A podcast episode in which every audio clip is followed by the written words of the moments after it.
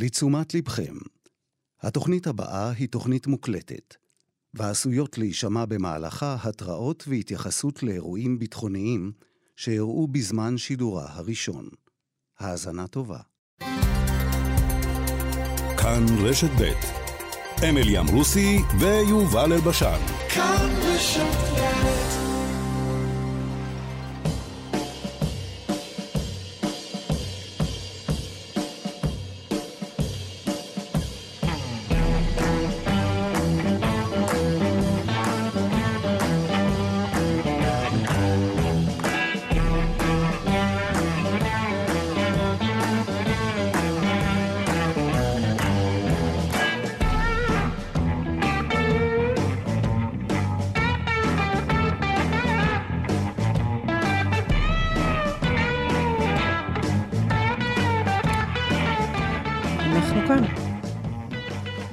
יובל אלבשן, בוקר טוב. בוקר טוב, אמילי אמרוסי, בוקר טוב לחיים זקן, ללירון אה, אהרון אסולין, נהייתי רן בנימיני, שמת לב? אני מדגיש את ההי באהרון, כי זה מה שלמדו בקורס הקריינים. אביגל בשור, הוא אה, היה, ב... עזר לנו בהפקה. רמי ורד. רמי עדן. לנו... רמי עדן. ידעתי שמשהו משהו לא הסתדר לי, ידעתי. אה, גם הוא עזר לנו היום מחדר החדשות, העורך. אה, בשעה אחרי סוף התוכנית שלנו יבואו למנוחות אה, הרב יצחק צייגר ואוריה ארתום, שנרצחו אתמול אה, בפיגוע בכניסה ליישוב עלי, אה, ב-11 בהר המנוחות. אה, זה הלוויה של יצחק צייגר, זיכרונו לברכה, ואוריה בבית העלמין באריאל בשעה 11, אוריה ארתום בן ה-16 וחצי. אה, ראית את ה... ראית שוב את מעשה הגבורה של בעל החומוסייה שם? של חומוס אליהו?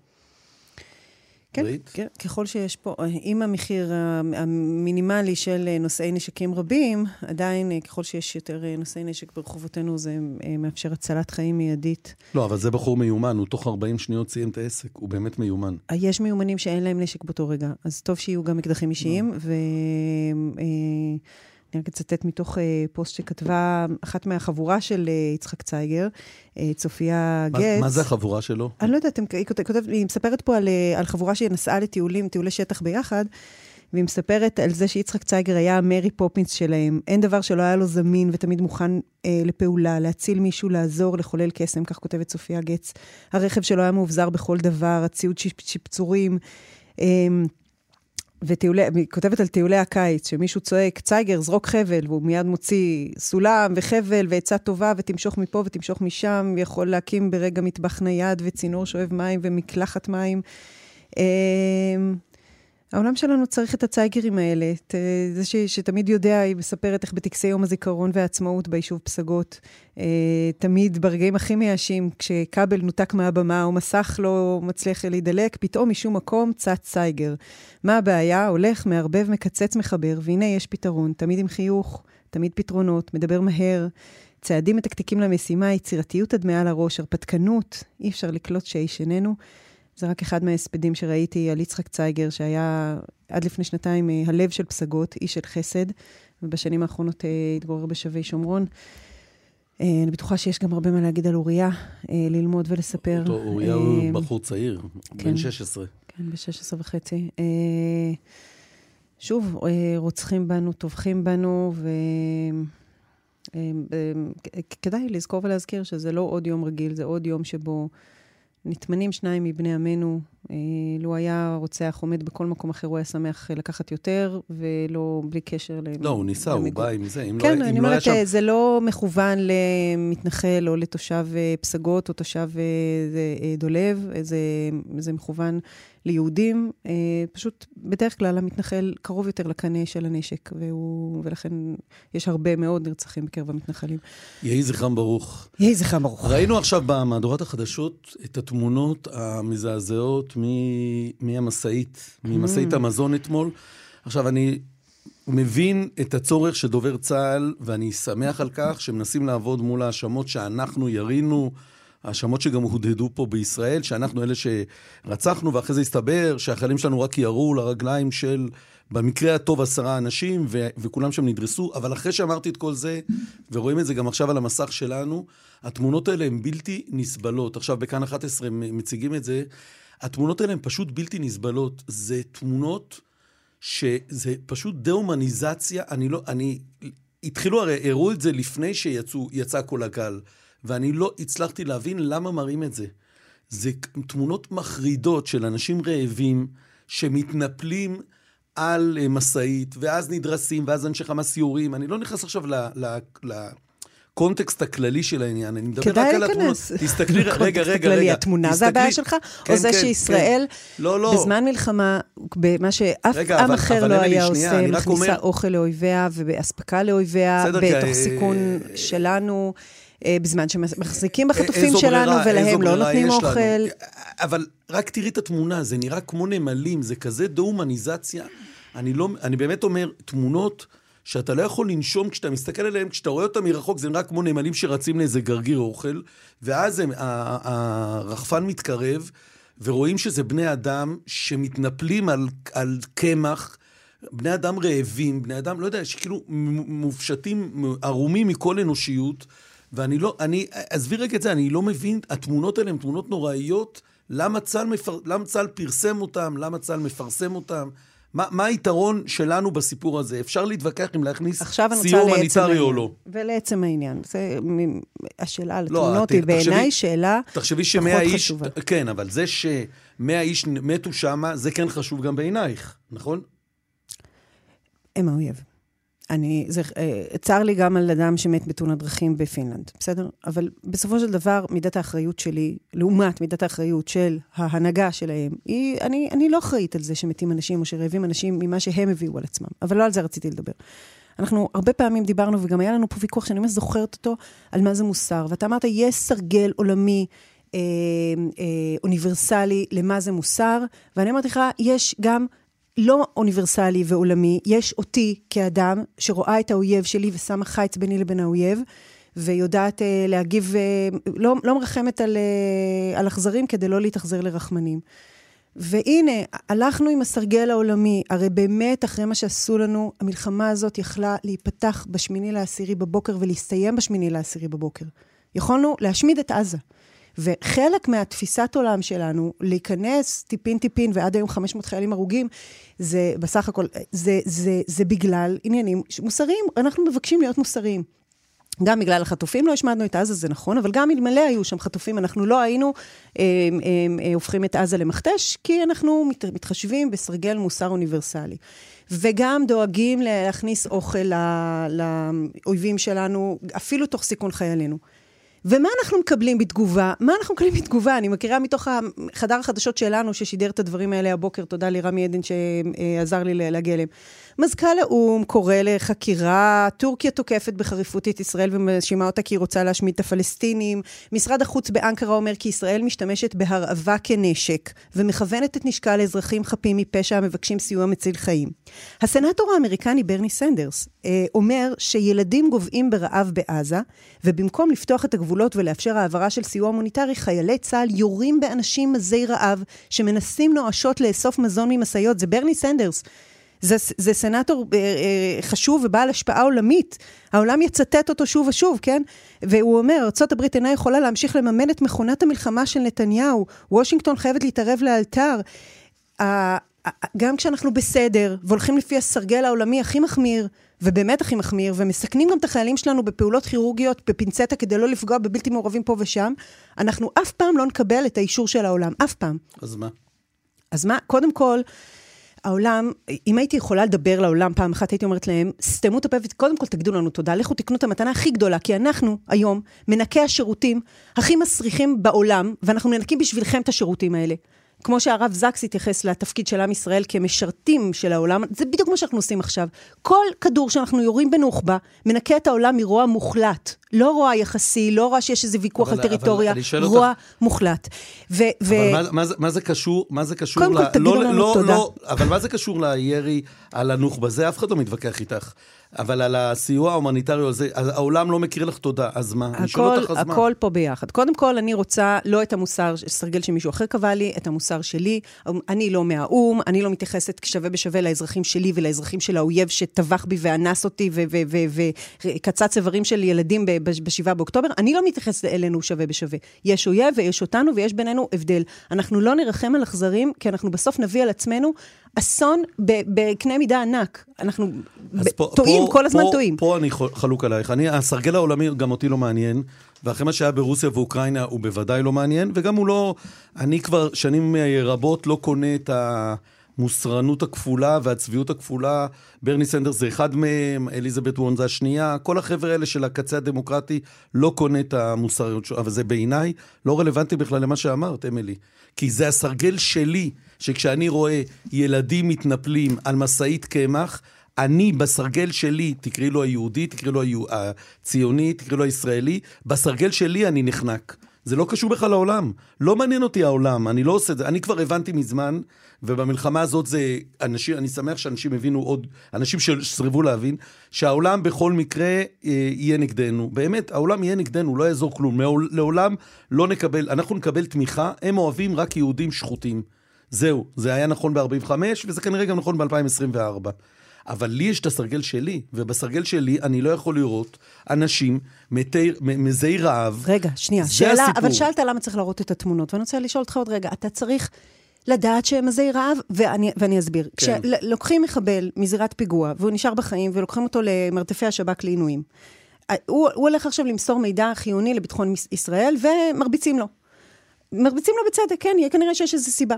אני, אני צריכה לקבל מידע על כמה הרביצו לו, ואת תמונות ולשמוע את זעקותיו? לא, אני מעדיפה שלא. למה? כי אם אני אקשיב לזעקותיו, אני לא אוכל לנהל את החיים שלי, אני לא אוכל להציל את האחים שלי. אבל לכן... לכן... אני בסוף אתאכזר לרחמנים, לא, אם לכן, אני אתחיל לרחם. אבל תשימי לב, את כל פעם נותנת דוגמאות אולי עדיף לא לדעת. ממחבלי אני לא מעניין אותי מה קורה באויב. או... אז רגע, אויב. שנייה. זה, אה, אה, אני לא מתבלבל מי האויב ומי לא אויב. ואין לי שום מילה... אני חושבת שאתה כן מתבלבל. לא, בכלל לא. ואני גם לא חושב, ואני גם עושה הבדל בין אשמה לבין אחריות. ואני מסכים איתך שבשמיני באוקטובר ישראל יכלה לפעול אחרת, ולולא החטופים אולי גם הייתה עושה את זה, למרות שאני לא בטוח מהיכרותי עם אה, נתניהו, לאורך השנים הוא היה עושה את זה. אבל אחרי שאמרתי את כל זה, אני מסתכל, את כל פעם הולכת לדוגמאות שקלות לך, למחבל ולמפגע. ואני שואל אותך, רגע, רגע. עזה זה המחבל והמפגע. את תסתכלי, את צריכה להסתכל על המשאית הזאת.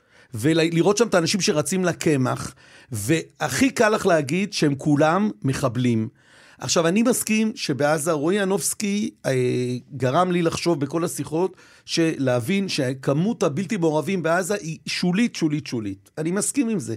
ועדיין, כשאני רואה את התמונות האלה שאנחנו רואים עכשיו על המסך שלנו, הלב שלי נצבט שבני אדם צריכים לרוץ לקמח. ולכן אתה לא צריך לראות, קוראים לזה להסב מבט. יש נקודות שבהן אתה מסב מבט. גם זה הכותב של המחבל המעונה במרתפים, הן נוראיות, נורא לשמוע אותם, אתה אומר, למה צריך לגעת לו בציפורניים? אבל יש לי תשובה, יש לי תשובה למה לא צריך. אני לא רוצה לדעת, לא רוצה לשמוע את הצעקות של, של המחבל שנייה. במרתף, ולא רוצה לשמוע את הצעקות של מי שהביא על עצמו את החרא הזה.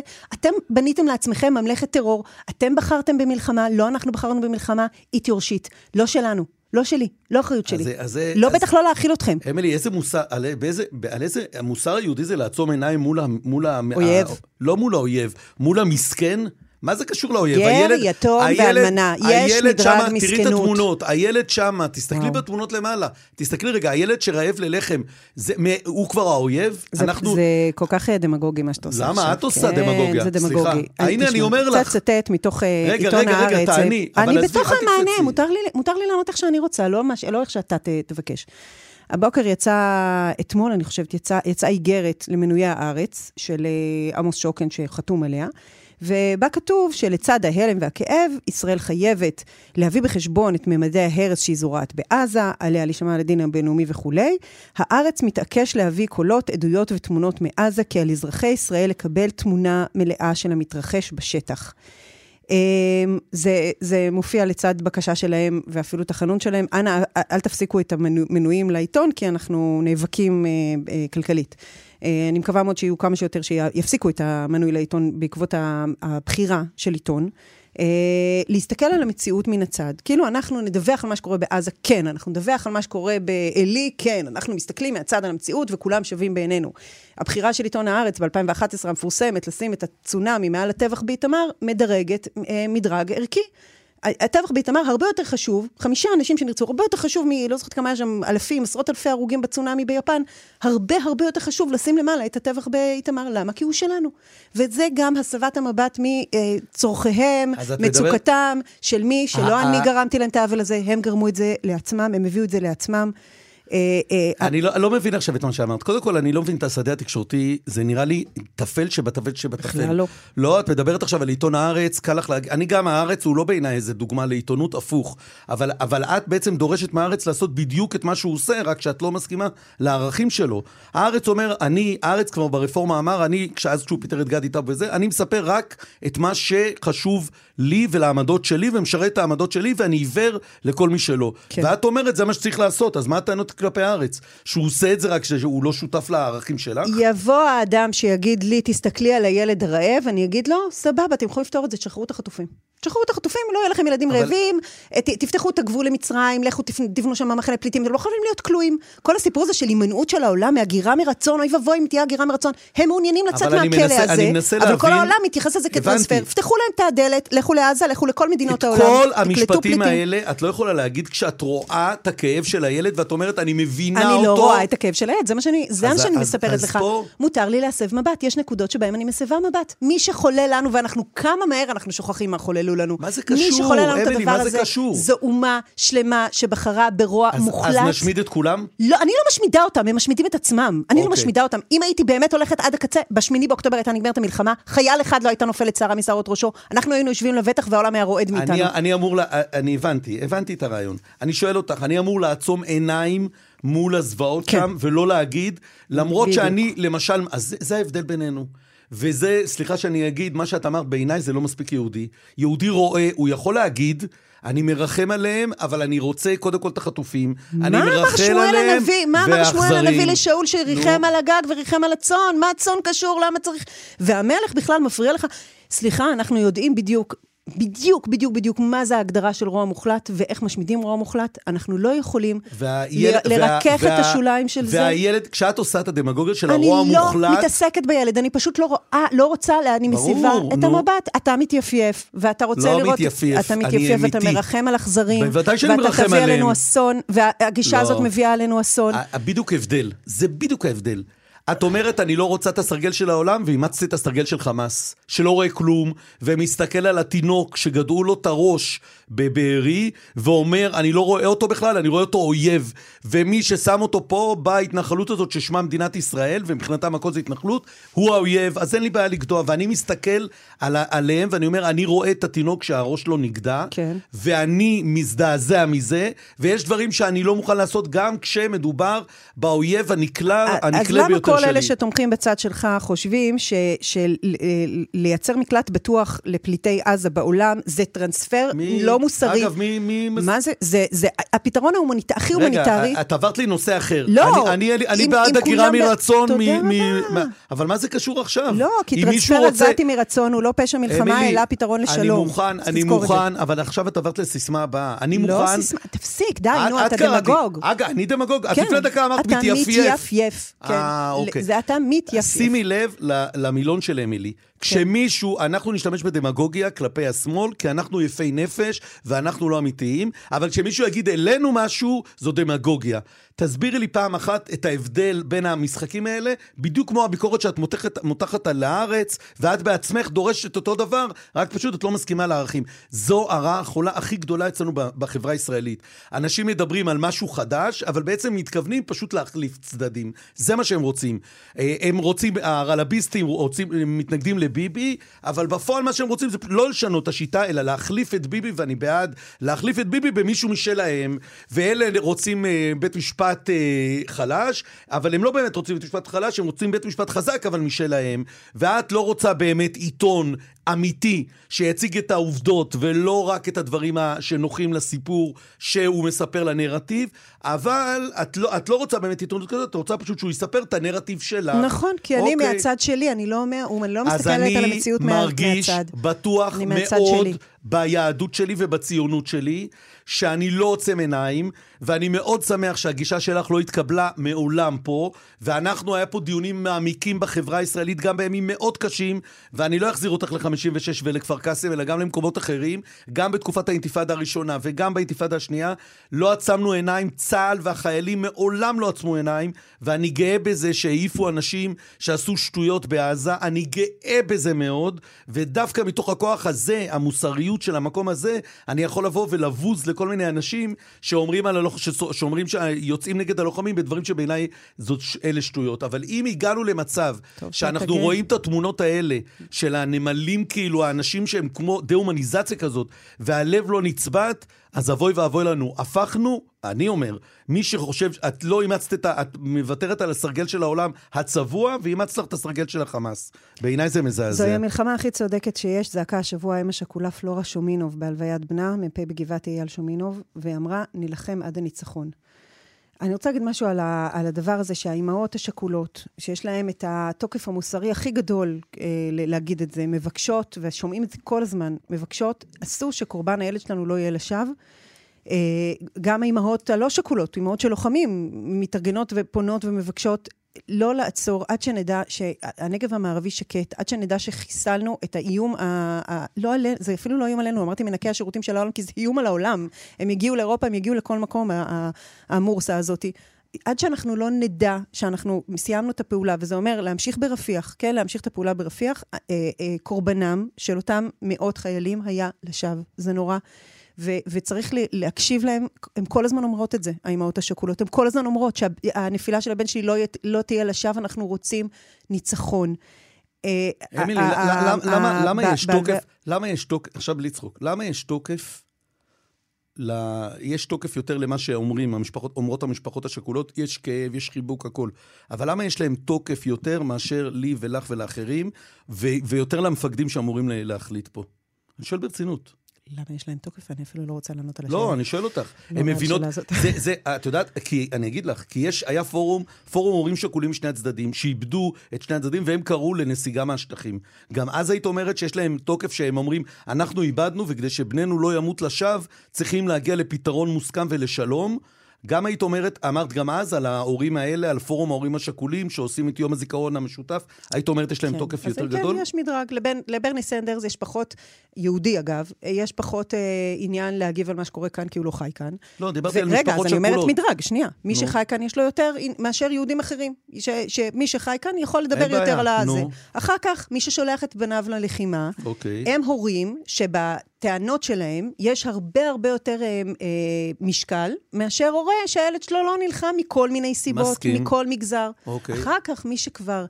איבד לצערנו. הסופיות של, ה, של ההד אה, אה, הזה היא כל כך דרמטית, כן? אה, ת, ת, תשים את האימא ששלחה את בנה לעזה, לעומת האימא ששלחה את בנה לעזה והוא לא חזר, זאת לנצח יש לה תוקף, וזאת זה כרגע, עד שהוא יחזור, בסדר? אז יש עוד מדרג בפנים. לא כל אימא ללוחם, אלא גם אימא ללוחם, זה, בפנים יש מדרג. אז כן, אני עכשיו כן, שואל אותך. כן, בהחלט. שיה, אז, אז, בוודאי. אז, אז למה כל כך, למה אני ואת, ואני זוכר מיליון שיחות על זה פה ברדיו, כשבאו מפורום של הורים שכולים, אני אמרתי שאז קראו ליציאה מה... לביטול מה שהם קראו הסגר על עזה, וליציאה מהשטחים.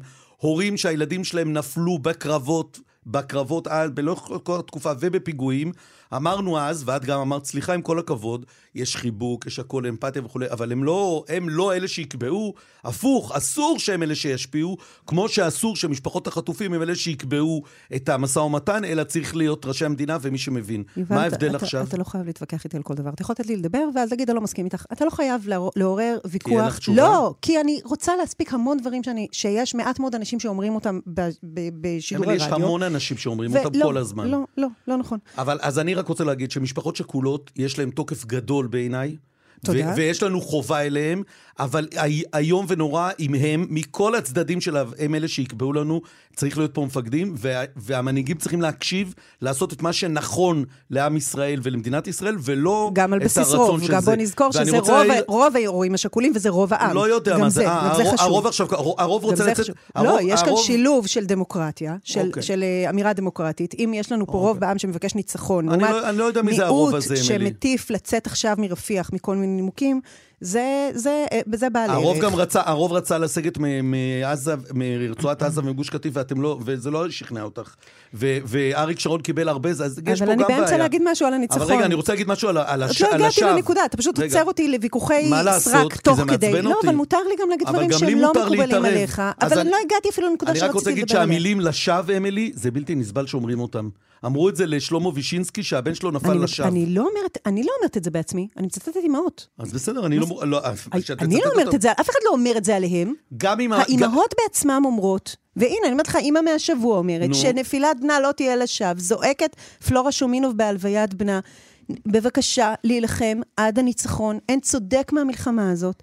ואני רוצה להמשיך את זה ולהגיד שהייתי בעוד לוויה של חייל, שהמפקד שלו אמר, שהוא הוא מת תוך כדי, הוא נפצע קשה ואחר כך נפטר בבית חולים, אבל זה היה תוך כדי הקרב, והוא רוצה להגיד לו, שתדע לך שהרגנו את המחבלים. שתדע לך שזה יסתיים, אתה לא יודע כי אתה כי, כבר היית בבית חולים, אבל תדע לך שזה יסתיים 1-0 לטובתנו. למה אני מצטטת את הדבר הזה? אני רוצה לחזור רגע לאמירה הזאת שאנחנו מנקי השירותים הכי מסריחים בעולם. אנחנו, אנחנו בתפקיד שלנו, הכבד והקשה, ויכול להיות, אני לא יודעת אם היו מציבים בפניי את השאלה אם אני בוחרת להיות יהודייה או לא בוחרת להיות יהודייה, לא יודעת בכנות מה הייתי בוחרת, אם הייתי יכולה לבחור. אני הייתי בוחר להיות יהודי, את רואה את ההבדל? אנחנו, אנחנו קיבלנו חתיכת עול רציני, זה ב, ב, ב, בתפיסה היסודית של היהדות, לנקות, למה אתה לוחש? לא לוחש, אמילי, תדברי כבר. אבל זה מפריע, אתה לוחש תוך כדי. אבל אנחנו צריכים להגיע עד שמונה וחצי, ואת להיות מתקני עולם, להיות אלה שמאירים את העולם, וכן, אור לגויים, זה גם המשימה הקטנה הזאת של פינה אחת בעולם, של לנקות אותה מרוע, זה, זה משימה שכל העולם כולו צריך אותה, זה בכלל לא צורך של ישראל. זה, זה לא רק המלחמה הכי צודקת כן בעולם של, של ישראל. ישראל. זה עוד, לא, זה עוד הרבה הרבה הרבה הרבה יותר רחב מזה. כמו שאנחנו אומרים, the west is next, זה, זה, אם אנחנו לא נעצור את זה שם, כל העולם המערבי כולו, זה אותו תינוק שאתה מרחם עליו עכשיו, אתה ריחמת עליו לפני 20 שנה, הוא הפך להיות הרוצח והאונס שנכנס ב-7 לא באוקטובר. אני לא מגן על הווסט ואני לא מגן כלום, אני מגן על עם ישראל. זה, זאת, לא, זה החיים שלי. לא, אבל אתה אמרת, אני מרחם על התינוק הרעב. אני מרחם על התינוק, כי זה, זה, זה משם אני בא. אבל זה אותו תינוק שריחמת עליו לפני 20 שנה, גדל להיות זה שנכנס לבארי וטבח בילדינו. זה, זה אותו, אותו דבר, אנחנו, התפקיד שלנו הוא כאן ועכשיו. ואת עכשיו מציעה שנאמץ את הסרגל שלו. וכשהמפקד הזה אומר לאותו חייל בלוויה, שתדע לך, הרגנו את המחבלים באותו קרב, זה הסתיים, הוא, הוא אומר בעצם, הטוב ניצח את הרע, אין דבר יותר צודק מזה, וצריך להגיע לניצחון. כמה אה, צלילים, חיים, ואז פרסומת. כן.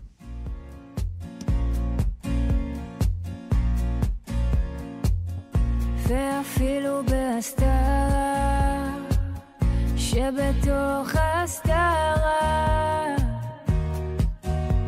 בוודאי גם שם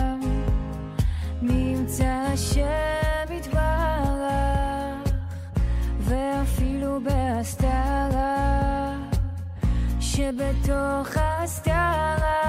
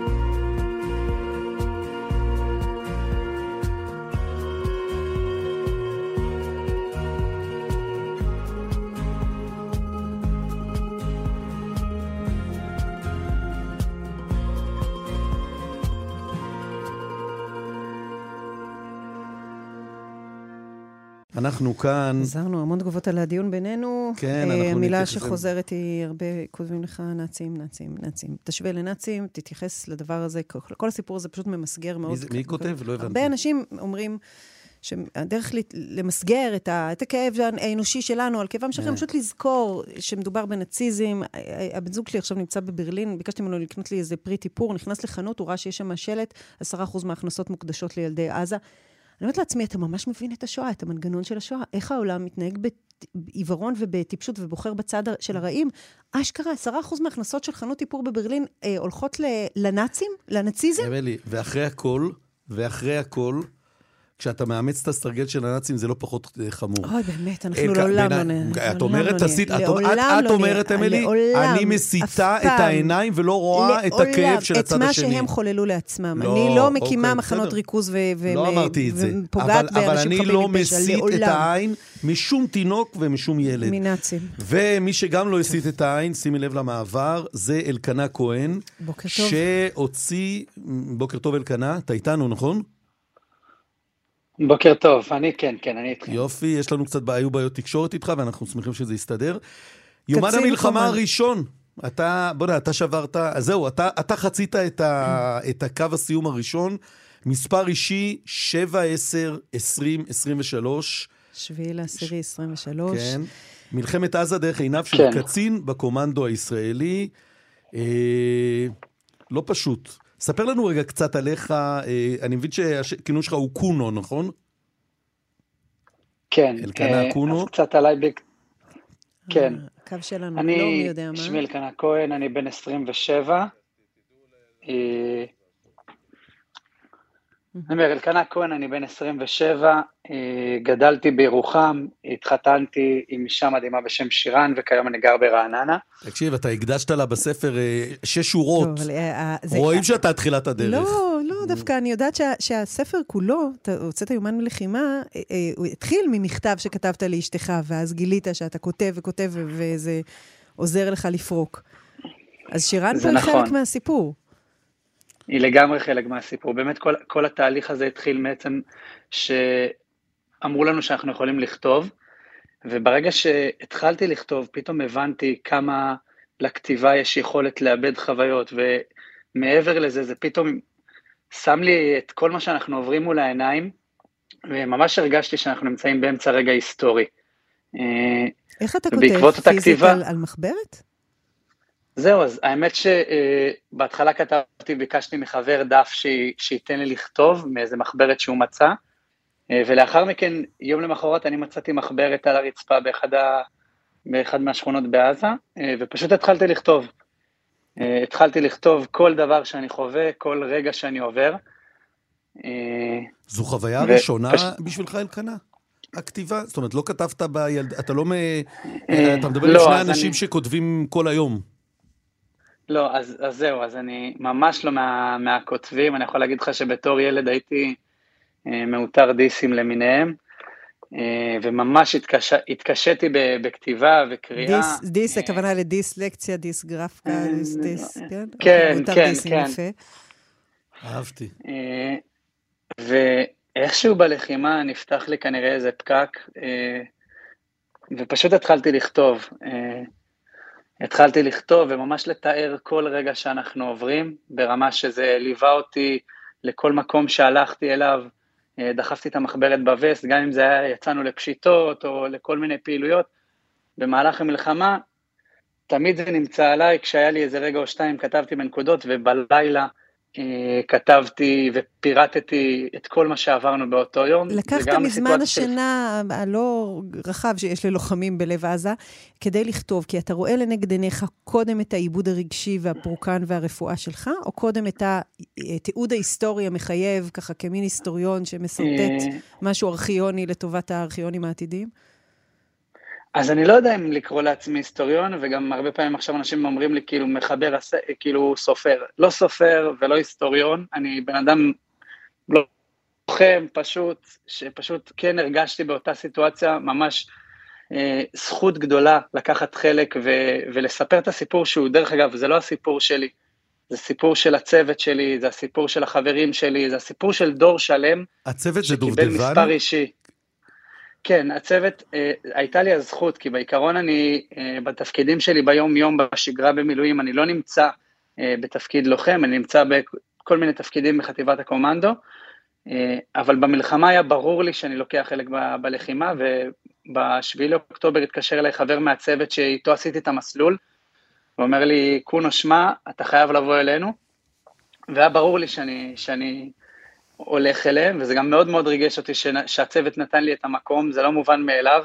אתה יודע, עכשיו כאילו... הכל, הכל היה, גם מה שהתרשמתי, אני קראתי רק את העמודים הראשונים לצערי, הספקתי, אבל הכל היה, ההתחלה של הסיפור הוא, הוא, הוא זה אנשים, החבר שלך מהצוות מתקשר, ובוא נדאג, ומישהו פותח לך ואתה משיג את האפוד וכולי, וזה שוב חוזר לתחושה ש... מי שהציל אותנו לא היה הצבא, אלא הלוחמים, החיילים, שהם התארגנו לבד, שהם זה, כשמישהו, כשבקריה, אני אגיד סתם, בקומה 14 עוד היו בשוק, אצלך כבר היה מי שהבין ורא, וכולי, וכל זה נכתב, ואתה כותב את זה כאילו כמובן מאליו. אני חושב שהיה מאוד ברור לכולנו באותה, באותו שבת, באותה רגע, באותו רגע, שזאת המשימה שלנו. כאילו, ואני יכול להגיד לך שזה... חתך רוחבי של כל הסביבה שאני חי בה, זאת אומרת, כולם ישר אה, קמו, אה, עזבו את כל הדברים שהם עושים, אם זה חברים שהבינו באותו רגע מה שקרה ופשוט עלו על טיסות אה, לארץ מחו"ל, חברים שעזבו עסקים, משפחות, זה, זה היה מדהים, אני יכול להגיד לך שכשהגעתי, בהתחלה קפצתי ליחידה, וכשהגעתי לשם אמרו לי, תקשיב, אין לנו מה לעשות יותר, כי אחוז גיוס עומד על 180 אחוז גיוס, אין לנו אפילו ציוד לתת. לתת לכם.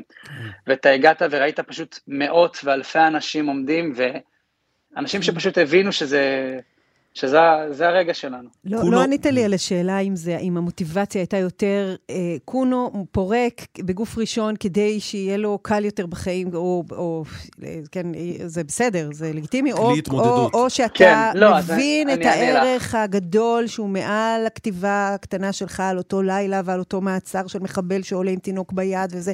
אתה, אתה רואה את זה גם כמסמך לאומי, מסמך היסטורי? חד משמעית. חד, חד משמעית, ואני אגיד, mm-hmm. אגיד לך אה, יותר מזה, אה, סבא, סבא שלי לחם במלחמת ששת הימים, אה, ובאותם ימים סבתא שלי, חברה שלו דאז, נתנה לו מצלמה שיצלם את כל המלחמה, ובהמשך הוא הוציא ספר. מאז ומתמיד חיינו בתודעה כזאת, בתודעה היסטורית, שאני מניח שזה מושרש מסבא, וברגע שהגעתי לסיטואציה הזאת, רגע, תגיד לי, זה, זה, לא... זה הבחור מגבעת התחמושת, סבא שלך? נכון, נכון, כן, כן, יהודה כהן. יהודה כהן, אני לא אה, מאמין. אתה יודע, אנחנו ראיינו, קודם כל דיברנו על הספר שלו פה. כן. סגן אלוף, יהודה כהן, כן, צילומים. זה, הוא האבא של נכון. רועי כהן. נכון מאוד. וואי, איזה עולם קטן. אני משתגע. אני, אני רוצה להיכנס לך לאיזו סוגיה ספציפית שאתה מעלה בספר, על ה... Uh, אתה יודע, אתם גברים צעירים, ואתם נחושים אלי קרב, וצדקת הדרך והכול, ובכל זאת המלחמה והמוות שנמצא בכל מקום, חוויית סף מוות uh, לא פוסחת עליכם. תספר לנו על הרגע הזה שאתה, קשה לך מאוד לאכול בשר. נכון, האמת כתבתי את זה. Uh, פשוט באחד מהפעמים היינו מאוד קרובים לגופות והיה ריח מאוד מאוד חזק, וזה... משום מה זה התחיל להשפיע עליי, כנראה גם קצת פסיכולוגית, אני שמח מאוד שזה עבר לי, אה, mm. אבל פשוט מאותו רגע, אה, כל פעם שאכלתי בשר ממש הרגשתי טעם של, זה קשה לי לחזור על זה אפילו, אבל טעם של גופה בפה, כאילו, וכשדיברתי על זה עם חברים שלי, חברים שלי אמרו לי, מה זה, אל תהיה מטומטם, אל, אל תתחיל להתעסק בזה יותר מדי, כי אתה תפתח בו איזה פוסט טראומה, ואני מסכים עם זה, הרבה פעמים לפעמים ההתעסקות ה over הזאת יוצרת איזה משהו, ואני שמח מאוד שככה בעזרת החברים ובכללי, התמיכה בצוות הייתה מאוד מאוד מאוד גדולה. ועל זה אני גם, אני גם כותב הרבה בצוות, והמכתב שהתחלת ש... לכתוב לאשתך הפך ל, לספר, היא בעצם ליוותה אותך בכתיבה? זה התחיל מזה שלא היה טלפונים בעזה ואתה צריך לש, לשלוח לה מכתב, כמו ב-48, אה, של חילי תחתוני וגופיות, ואתה לאט לאט הולך ומרחיב את זה למין יומן, ו, ומה מה, מה, מה, מה הדיאלוג שנמשך לאורך כתיבת הספר עם אשתך? אה, אשתי היא מאוד מאוד מופנמת, פחות נראה לי אה, אחת של כתיבה ושיתוף, אבל אני חושב שהיא הבינה שעבורי זה מאוד מאוד משמעותי. אבל ללא ספק היה לה תהליך, מש... חלק משמעותי בכתיבת אה, הספר. נתת לה, נתת לה הרבה קרדיט. אין, אין, אני, אני בשוק שאתה הנכד של יהודה כהן, אנחנו עשינו עליו אייטם גדול על התמונות, אז מגבעת התחמושת ובכלל כל מה שעשה. תאמר לי, איזה תגובות אתה מקבל, אה, אתה מקבל על הספר מאנשים? אני, אני מניח שזה הורץ בעיקר בקרב לוחמים בשלב הזה, נכון? אה, בקרב לוחמים, והאמת שגם הרבה מאוד כבר אנשים שקנו את הספר.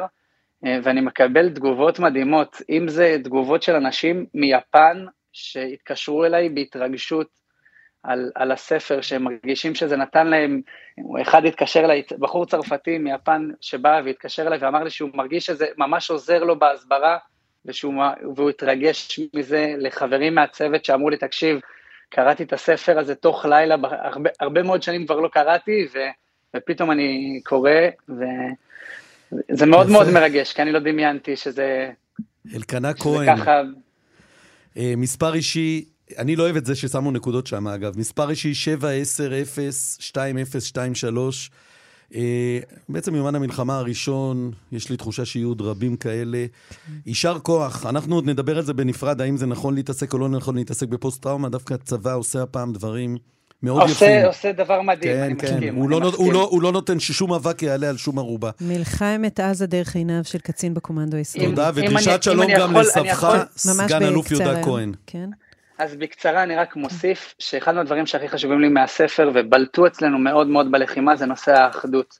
ואני חושב שעכשיו, אה, כמו שכתבתי בספר, שזה אם בשביעי באוקטובר היה לנו משימה מאוד מאוד ברורה, שזה להילחם על המדינה, המשימה שלנו כרגע היא להילחם על האחדות. אמת, וזו, וזו אותה, המשימה. אותה משימה. אלקנה כהן, תודה רבה רבה לך. תודה. שבת שלום. תודה רבה. דש לסבא. בשורות טובות. ביי ביי, להתראות. את יודעת שאני עוד לא מתרגל לזה שבחדשות יש גילויים חדשים על ברק חירם, על כאילו מה שקורה, על עזה, ואז במקביל, מחזה מחדש של זוהר ארגוב. אני לא בא בתלונות ל... ל למואב, ידידנו או משהו, אבל כאילו, ה, ה, זה שחזרנו, זהו, חזרנו. אנחנו כבר uh, אתמול את שני ההרוגים ציינו, לא מהפיגוע, מאלה שנקברו באותו יום, שהצגת, uh, סיפרת על אחד מאחת האימהות. זה כבר היה באייטם השלישי, אני מבין את זה, אני רק... זה בדיוק הדבר שהכי מפחיד אותי. אני אגיד לך על זה משהו, אני בעשרה באוקטובר, אני חושבת שכמה ימים אחרי, היינו דפוסים כולנו בתוך uh, מדמנת האימה וה, והכאב. והסתכלתי במראה וספרתי שערות לבנות, ואמרתי לעצמי, התבגרת. ואז אמרתי לעצמי, גם בשואה הייתה מישהי שהסתכלה במראה ולא הייתה מרוצה מהקמת החדש, או מה... זאת אומרת, הפרוזאיות של החיים הנמשכת, האבא שרב עם הבת המתבגרת שלו על שטויות, אני חושבת שזה היה גם בשיא, ה... בשיא השואה. כי גם כשאתה בהישרדות, אתה עדיין מה שנקרא החיים עצמם, ועדיין יש מחזמר, ועדיין יש שערות לבנות, ועדיין יש ריב, עם המתבגר, ועדיין צריך אה, לתקן את הנזילה באוטו. זה, זה החיים עצמם. זה אה, יש לנו עוד כמה דקות, אני חייב לספר, משהו אתמול קראתי בפייסבוק, מנהל בית ספר ביפן, אמילי, נתפס קונה קפה, בש... ראית את זה? ב-75 סנט, אבל מוזג לעצמו מנת קפה גדולה יותר של דולר 25 סנט. מנהל בית ספר. פוטר מעבודתו, רישיונו לחנך וללמד נשלל, נשללה ממנו איפה? הפנסיה. איפה זה קרה? לא בישראל. לא בישראל, כן, זהו. זה, כל הרעיון הוא להגיד שבישראל זה לא היה קורה. וכל זה אחרי שהוא התנצל מול ההורים, שהוא לא נטל דוגמה אישית, שהוא לקח יותר קפה ממה שהוא שילם, וזה כשהוא עושה את זה בסופר, מחוץ לשעות העבודה, ולא במקום העבודה. עכשיו, אצלנו... באיזה מדינה זה? יפן.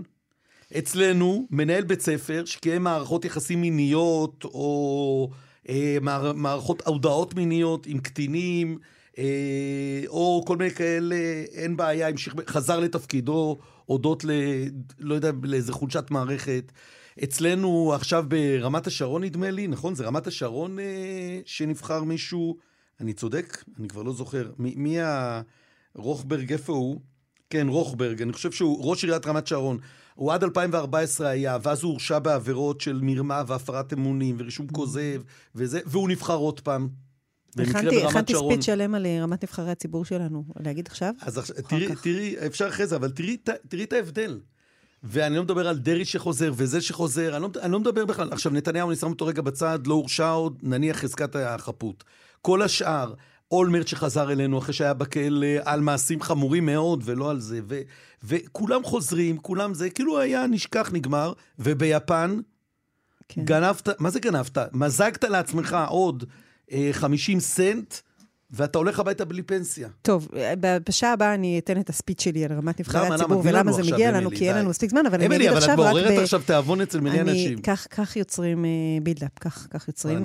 אבל אני רוצה להגיד, דבר לזכותו של אחד המועמדים, יכול להיות שהיו עוד מועמדים, אבל הפרסום הראשון, ההודעה הראשונה שהוציא מי שנבחר להיות ראש מועצת גוש עציון, קוראים לו ירון רוזנטל, היה שאחרי הניצחון, שעוד הלילה, בלילה של הניצחון, הוא אחראי שכל שלטי הקמפיין יורדים, כן? כל הלכלוך שיש ברחובות יורד, ואם מישהו נתקל בשלט שלא הורד, שיתקשר למספר האישי שלו. בן אדם כלבבי. הלכלוך שנשאר פה יום אחרי, ממש, כאילו, הרחובות פשוט מלאים בטינופת, והשלטים עדיין כאן, אני לא יודעת עד מתי. אצלנו בירושלים? לא יכול להיות. לא, אני רוצה להגיד לך משהו. אני כבר ראיתי, הם כבר ניקו, אני אומר, לא. משה ליאון צריך להיות ראש העיר לא. של כל המדינה הזאת. הבוקר, בפותחי את דלת ביתי, פליירים על המדרכה הרטובה מהגשם, אה, על הרצפה. ויש עוד שלטי בחירות בכל ה... שאתה נוסע בשדרות לא, הראשיות. זמן להוריד. אז לא, אהבתי את זה, שזו ההודעה הראשונה שהוא בחר להוציא ירון רוזנטל. אני מטפל בכל שלטי הבחירות שלי, לוקח אחריות על זה שהמרחב יישאר נקי. גם זה חשוב, שיהיה לנו נעים בעין, ירוק בעין ו- ושמח. זה לטובת המועמד הנחמד, אה, מזל טוב. אה, אני אגיד משהו על ה... יש לי כמה דברים להגיד על הבחירות המקומיות. אני, אני חושבת שמי שנמצא בלחץ מאוד מאוד גדול ומבקש בחירות ארציות עכשיו, צריך להסתכל על הבחירות המקומיות ולהגיד, רגע, רגע, רגע, אם אני באמת רוצה, הרי זו דרישה של אחים לנשק וחברינו משמאל עכשיו, ללכת לבחירות עכשיו. ו- והבחירות ברשויות המקומיות היו, אה, נמנו אחד גדול מהצד החילוני. היעדר התלהבות מהצד הדתי והמון המון אה, מוטיבציה והתייצבות מהצד החרדי. אתם יכולים לדרוש בחירות, ואתם יכולים לגלות ביום שאחרי הבחירות, לא, אני, אני שקיבלתם לא, לא ממשלת ימין מלא מלא חרדים, אלא ממשלת 120 אחוז אה, ימין חרדים. כאלה דברים חכמים את אומרת, אני מציע שאנחנו שנחכה, נמשיך אותם בשעה הבאה. אני, אני, אני רואה פשוט את uh, כל החבר'ה, את רמי ואת חיים, uh, uh, אומרים, לא, לא, תמשיכו עד הרגע האחרון, אבל לא, תישארו איתנו, כי אנחנו מיד, אחרי הפרסומות החדשות, נחזור. אני יודע שאתם כולכם, כולכם כבר לא יכולים.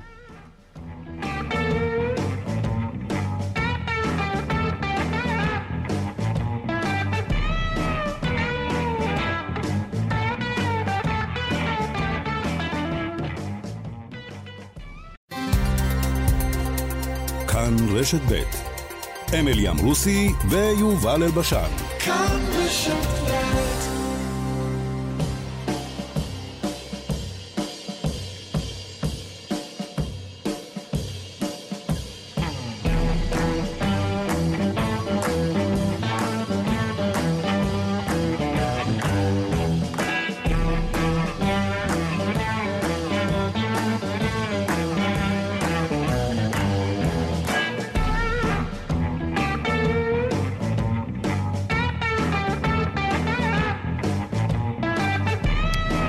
שהציבור הישראלי הגיב לבחירות המקומיות, כך הם במתח שאנחנו נמשיך את השיחה שלנו על הבחירות המקומיות. אמילי, סליחה, אני מקבל פה מאות מסרונים מאנשים שמבקשים שתגידי מה שרצית להגיד. האמת, שעכשיו אני רק אגיד צחוק. קודם כל, הצטרף אלינו רמי פליקס, ברוכים הבאים, על הצד הטכני, ונשארה איתנו לירון אהרון אסולין. אין, אני עד סוף החיים, לירוני, אגיד אהרון, כמו שרני בנימיני שלנו אומר. הוא גם אומר, הוא לימד אותנו, רן בנימיני, שצריך להגיד קונספציה. עם קונס... צדיק, כן. ולא קונספציה, כי זה כמו קונצרט, זה CE, ולכן צריך להגיד קונספציה. קונספציה? כן, קונספציה. קונספציה או צנע. אומרים צנע ולא סצנה. אה, אתה בכלל אומר שועית, רגע. שזה הכי יפה. כן, אני רוצה לומר. שמכל אה, הנושאים שדיברנו עליהם, הכבדים, החשובים, שברומו של עולם, הכי הרבה תגובות הגיעו על מה שעברת בשנייה האחרונה. עוד לא אה, אמרתי, יש לי רגע, ספיץ שלם לא, על הבחירות אבל המקומיות. את כבר כן. החמאת למישהו בשם ירון רוזנטל, שהוא ראש מועצת גוש עציון. החדש. אז אני כן. מקבל עכשיו מאנשי שטח בגוש עציון. אה, שהשלטים לא הורדו. בכל- עם חוצפה, שלטי, אני עדיין רואה שלטי בחירות של ירון רוזנטל. מהשטח לא. שמענו מירון לאסוף אותם, כותב לי אחר. ואני כותב את זה למרות שהצבעתי לירון. בקיצור, אמילי, את הפכת להיות חלק מהתשקורת. את אמרת שירון רוזנטל אסף את השלטים בגוש עציון, והנה, יש לנו אנשים, ואני לא מדבר רק על יקירה שלנו, אני מדבר על כוחות אחרים. שאומרים שזה לא נכון, תני את הטלפון של ירון כדי שיתקשרו אליו ויגידו איפה יש פה שלטים. טוב. מחשבה מספר אחת שחלפה במוחי כשראיתי את ה... עוד לפני ההכרעה בבחירות. סתם, רשימת המוע... רשימות המועמדים, שמות המועמדים, מי האנשים. תשמע, אפילו ירושלים, הצד הדשן של ירושלים, אולי ככה, ירושלים הליברלית, החילונית, השבעה, הכתירה על עצמה בן אדם חביב אך בינוני. באמת, לא, אין לי שום דבר נגדו, אבל אני לא חושבת שהוא... משה ליאון הוא לא, בינוני? לא, אני מדברת על מי שייצג את הצד החילוני בירושלים. חביב, לא, לא משנה, הוא אנחנו לא הוא נכנסים פה הרבה- לגופו הוא- של אדם, אגב, זה הוא באמת הרבה לא... שנים מנסה, הוא דווקא, אני לא חושב שהוא מצליח. לפניו היה ל- עופר ברקוביץ'. אני לא ראיתי שאפילו האליטה הירושלמית ניפקה, אה, אליטה, אני אומרת, כן, במה שהם... לא, אליטה, אליטה, אנחנו בדרך אליטה. כלל מכונה אליטה. אנחנו אה, אליטה, למה ניפקה בדרך כלל נבחרי אנחנו אליטה? ציבור בסך הכל אה, ממוצעים, למשרה מאוד, למשרות מאוד רמות, כן? אה, אה, פעם שעברה ירושלים הליברלית, העשירה, המשכילה והמפוארת העמידה את עופר ברקוביץ' ועכשיו את יוסי חביליו. זה לא משנה, זה ממש לא משנה. אני רוצה להגיד שהציבור של בני האדם, העם, התושבים, הם מאוד מאוד מאוד איכותיים. ויש איזשהו פער בבחירות המקומיות. בין uh, הממוצע uh, האנושי לבין הממוצע של נבחרי הציבור. ואז אני אומרת, רגע, רגע, למה את עוצרת? זה מחשבה אחת. למה את עוצרת במקומי? הרי גם בארצי, ועכשיו אני רצינית, שני מועמדים כרגע טוענים לכתר אה, ראשות ממשלה, זה יאיר לפיד ו- ונתניהו. האחד uh, נהנתן, נוכל, ואני לא מאמינה למילה שיוצאת לו מהפה, והשני חלול ומשנה את דעתו כל יומיים. בסך הכל אנחנו באמת הרבה יותר טובים מזה. אנחנו לא מוציאים אה, אה, אנשים שראויים לנו כעם. רואים בפער מאוד מאוד גדול מה, מהצאן. ואז אני אומרת, רגע, למה את עוצרת? עכשיו אני הולכת למחשבה השלישית, למה את עוצרת פה? תראי מה קורה בארצות הברית. בארצות הברית, 350 מיליון, האומה שהיא באמת, כאילו, מי שיעמוד בראשה זה שליט העולם החופשי.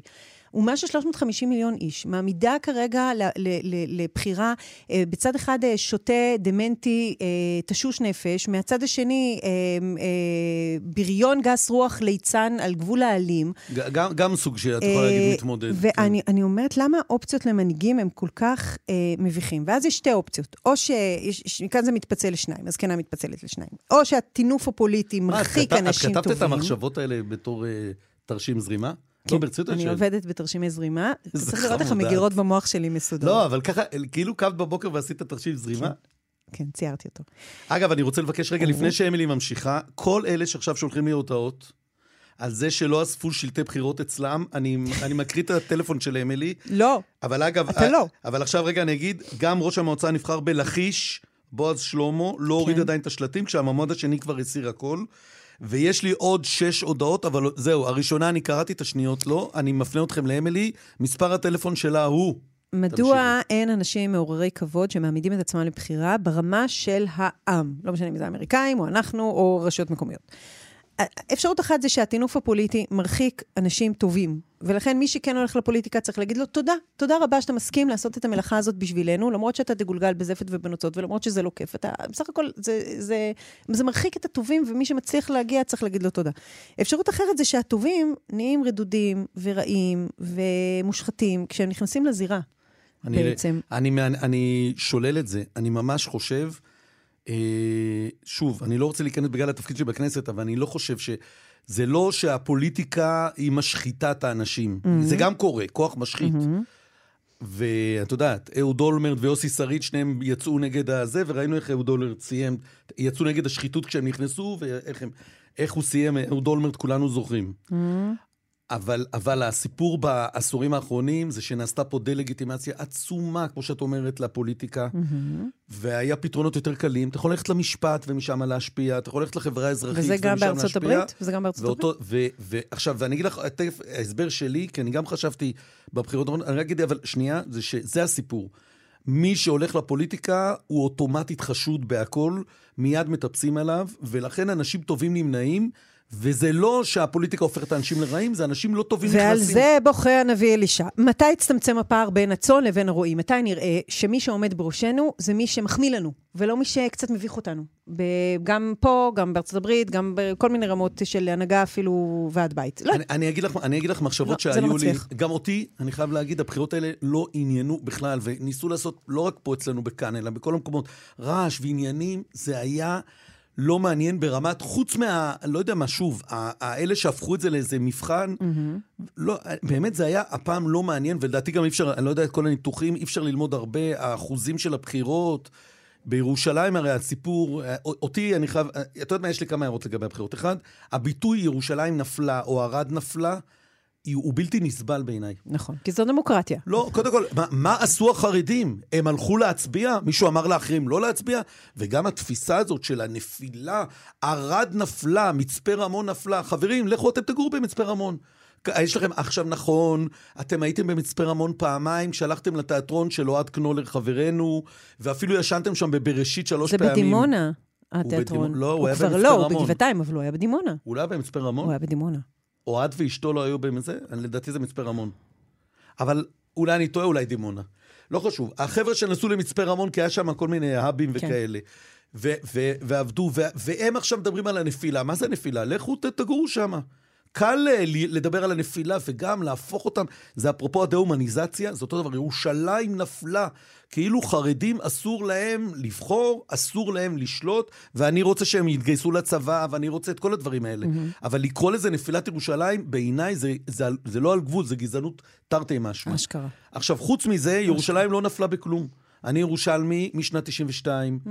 ירושלים יותר חילונית פי 800 ממה שהיה כשאני באתי ב-92. נכון. לא היה, אז, אז היה, ב-96 פתחו לנו ארומה ראשונה בעמק רפאים בשבת. אבל, אבל, אבל, אבל השבט שלי, השבט שלי, העיר הסרוגה הגדולה בישראל, נו. אין לנו בכלל ייצוג, כמעט אין ייצוג. אין את, מפד"ל. את אמרת, הזכרת עכשיו את הקבוצה של האיחוד הירושלמי, חביליו וזה, את מי מייצגים, אמילי? הם לא ייצגו אף אחד. וגם פה ראית, ירד מהתעוררות. לא משנה, אני לא אכניס את האנשים לנבחרי הפוליטיקה הישראלית, אבל החילונים שאמרנו, הירושלמית, אה, זה פשוט עבר ממקום אחד למקום שני, לא עבר כלום.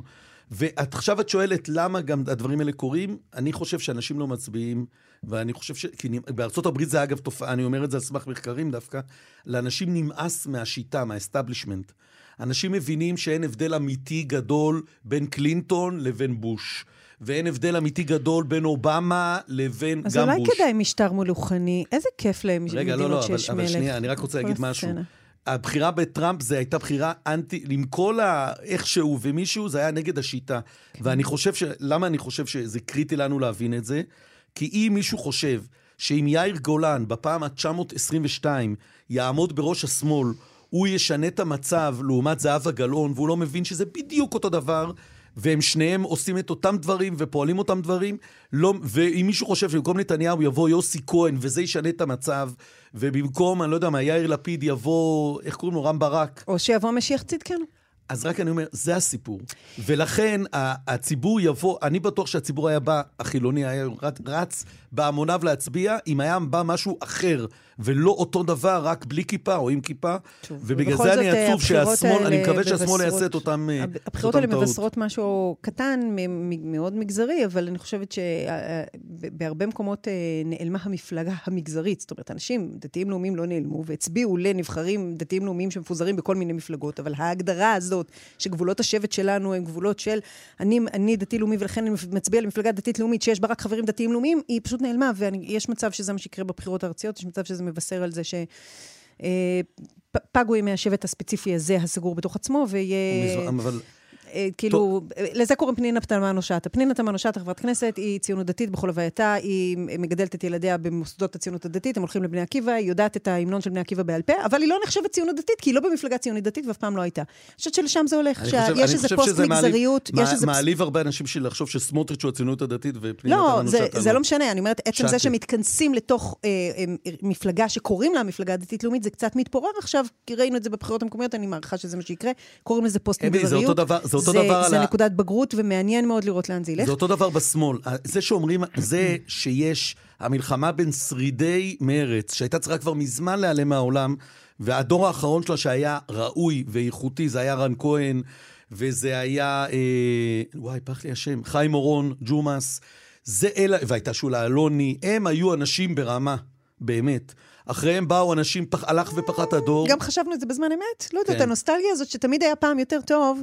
תגידי, אה, אני סליחה. נתנה ראש ונשובה מצרים, לא, כי היה שם אחלה קישואים לא, במצרים, לא, לא, זה קצת... אה... אמילי, את משווה בין ג'ומאס ורן כהן לבין הדורות שבאו אחרי במרץ? אני לא. אה, לא יודעת. לא. אה, אה, ובמפלגת העבודה את יכולה להשוות בין מרב מיכאלי והחבר'ה האלה לבין אלה שהיו שם לפני? הנושא השני שרציתי לדבר עליו. שמע, אני רוצה עכשיו לייסד פה ביטוי ומונח שהולך לתפוס חזק. זה נקרא ללטף לעצמך את הבית צ'כי. אוקיי? אה, כן, נורא, נורא. אבל זה, זה כאילו רמה אחת יותר גבוהה מללטף לעצמך את השכם ואת הראש ולהרגיש כמה אתה צודק ויפה. וזה הולך ככה. היה את סיפור הפייק אה, הודעות בין אמהות על יום הולדת, כבר דיברנו על זה. נכון. אימא אחת שלפי ההודעות מקיימת מסיבת יום הולדת ב-9,500 שקל לילדה שלה, ואימא אחרת ש... והיא, והיא מתעצבנת על זה שהילדה לא מגיעה עם מתנה מספיק גדולה. עכשיו, אה, זה קצת אה, מי בעד חיסול הטרור הרים את, ידו. אין מישהו שחושב שהסיפור הזה הוא מובן והוא הגיוני. אין מישהו שחושב שסבבה לעשות לילד בן תשע יום הולדת ב-9,500 שקל, ואין ילד שחושב שצריך להדיר, אין, אין אף אחד בעולם שחושב שצריך להדיר ילד מיום הולדת בגלל, ה, בגלל המתנה שהוא מביא. זה לא שאתה מתווכח פה עם מישהו, ובכל זאת הרשתות החברתיות נמלאו אנשים המלטפים לעצמם את בית השחי, ואומרים, ראו כמה צודק, יפה ומהמם אני מול הבהמיות. זה לא בסדר, בסוף זה היה פייק, הסיפור, אבל גם עצם ההתייחסות, גם אם זה היה אמיתי, עצם ההתייחסות למשהו כל כך מובן מאליו. היא, אה, היא פשוט אה, מפגרת. עכשיו, אה, אני ראיתי את זה השבוע שוב. היימנוט קסאו, אני מקווה מאוד שהיא תימצא הילדה שנעדרה מפחד כן. אלוהים, הסיפור הזה, ממרכז הקליטה בצפת. ילדה בת תשע ש... שפשוט, שפשוט התאדתה, משהו לא ברור. וכיווני החקירה כן. מדברים על, לא, לא, לא, פשיעה לא, מינית, לא, לא, שזה לא דבר, לא דבר, לא דבר. כאילו אימת האימהות בעולם, פשוט סיפור נורא. עכשיו, בצדק, הסיפור הנורא הזה קיבל את ההתייחסות הראויה. אה, מצד המשטרה, מצד מטה המתנדבים שקם, מצד הכותרות בראשיות, וזה שברדיו דיברו על זה ובטלוויזיה דיברו על זה, ואפילו פושים אה, אה, נשלחו על, על כל מיני התפתחויות בחקירה. זה, זה היה בכל מקום, בצדק לגמרי, זה, זה, זה, זה, זה סיפור מטורלל לגמרי. אבל אז אתה פותח את הרשתות החברתיות, ואתה רואה פוסטים שאומרים, בגלל הגזענות שלנו, ובגלל שאנחנו לא אנשים שאכפת לנו מיוצאי אתיופיה, אז אף אחד לא מדבר על הילדה הימנעות קסאו, ואתה עכשיו הראשון ש... היה המון פוסטים כאלה. שאני פשוט התחרפנתי, אמרתי, אני כאילו השנייה כיביתי את הרדיו, שמעתי בצדק את הכותרות, ואז אתה הולך לרשתות, והיפה מטעם עצמו מלטף לעצמו את הבית צ'כי, ואומר, אמילי, אנחנו לא, לא- חברה לא... כל כך בהמית, ואם היא הייתה אשכנזייה מרעננה, לכולם היה אכפת. אה, אז נא לאמץ את הביטוי הזה, תפסיקו ללטף לעצמכם את הבית צ'כי, תפסיקו לעשות אה, עניין מדברים שהם, א', ברורים מאליהם, כן, כמו בסיפור עם הימי הולדת, או מי בעד חיסול הטרור, ואנחנו מאוד מאוד לא רוצים לפגוע באוזון, ואין אף אחד שמתווכח על זה. וכל דבר שאין בו בכלל איזה נימה לשכנע, תפסיקו להיות מובנים מאליכם, תפסיקו להיות צפויים. זה כל, כל, ה, כל הרשתות החברתיות האלה מלאות באנשים מלטפי בית צ'כי. ואת אומרת, אנה, אנה. על המתנחלים לא מדברים, ואני אומר לך, היה בחדשות, כל אחד, אדם קרוב לעצמו. לא, אבל להגיד שאנחנו אתיופיה, גזענים בגלל לא, שהיא לא אתיופית ולא לא, התייחסו, זה אבל, גם לא נכון, וגם מאוד מרים לעצמך, כולם נורא בהמים, חוץ מהאדם שכתב את הפוסט, או הגברת שכתבה את הפוסט, והיא יפה וצודקת. לא, זה בסדר. יפים וצודקים, יפים וצודקים. קודם כל, אומרים לי שזה באמת נכון, הערה אחת, ואז אני רוצה גם להגיד משהו על המלצה על כתבה בישראל היום, של איתי אילנאי, שלא ידעתי שהוא עבר לישראל היום. אה, אומרים לי, החרדים באמת משתלטים על ירושלים. אני, רק, אני שוב אומר, זה כמו שתגידו, החילונים משתלטים על תל אביב. זהו, נפלה תל אביב. בתל אביב היו 35 אחוז לאורך השנים, גם חרדים, כן, היו חרדים בתל אביב, ולא רק אלה בשנקין, וגם היו הרבה מאוד דתיים ומסורתיים. תל אביב זה לא רק אה, שכונות עבר היר, הירקון. וכשמישהו יגיד, נפלה תל אביב, זה בדיוק אותו דבר, חבר'ה, זה, זו דמוקרטיה, אני מאוד מצטער. כל אלה שלא אוהבים דמוקרטיה, מה לעשות? אפשר לחזור למהפכה הצרפתית, ושרק המעמד הראשון ישלוט, זה יפתור גם את הבעיה של הרפורמה המשפטית. טוב, כתבה, עכשיו... כתבה של ישראל היום, שממש חובה לקרוא, אה, איתי אילנאי, כותב עיניים עצומות לרווחה, והוא אה, תחקיר גדול שלו על חיתוך המצב של הרמטכ"ל, שנעשה בשעות, שעתיים לפני אה, ההתקפה ב-7 באוקטובר, שנמשך זמן קצר מאוד, לא כלל את ראש אמ"ן, זה כבר כולם יודעים. מה הייתה ההנחיה, ההערכות המחמירות, והוא כותב, כתבה, שוב, שכשאתה קורא אותה, אני חייב להגיד למה אמרנו קונספציה, איך תגידי עוד פעם, אני צריך להגיד? רן, כן, אבל תגידי לי עוד פעם. הוא אמר קונספציה. קונס... זה כמו קונצרט. עם צדיק. קונספציה. קונספציה. אז אני אגיד שעדיין הקונספטות, הייתי אומר, עולים, עולים גם הרבה מאוד mm-hmm. סיפורים, כי משהו לא ברור. כי כשהוא כותב, איתי כותב פה, שב-6.29 מתחילים להגיע 3,000 מחבלים עזתים, ומולם עומדים רק 600 חיילי צה"ל ו-12 טנקים, אני עדיין לא מצליח להבין, אני אמרתי את זה, לא סתם עולות עכשיו כל מיני תיאוריות וקונספירציות וכאלה. הקונספירציות צומחות במקום ש, שאין היגיון. גם, איך... ש, גם שאין אמון. קונספירציות גם. זה מדד לחברה שאין בה אמון. אבל גם, אבל גם כי אין היגיון, כי אתה לא מצליח להבין, כמו שגדי איזנקוט סיפר אצל אילנה דיין, שהוא עומד, עמד ולא הבין. יש 600 חיילים, יש 3,000 מהצד השני. אנחנו בעמדת ההגנה, אנחנו על הגבול, הגדר, הוא של, הגדר היא שלנו. לנו יש את הנשקים, לנו יש את הטנקים, להם יש את הטויוטות, ועדיין, אני לא אומר, אה, חדרו בהרבה מקומות, היו צריכים, אבל איך כל השטף הזה קרה בלי שהוא נבלם, זה מה שלא ברור.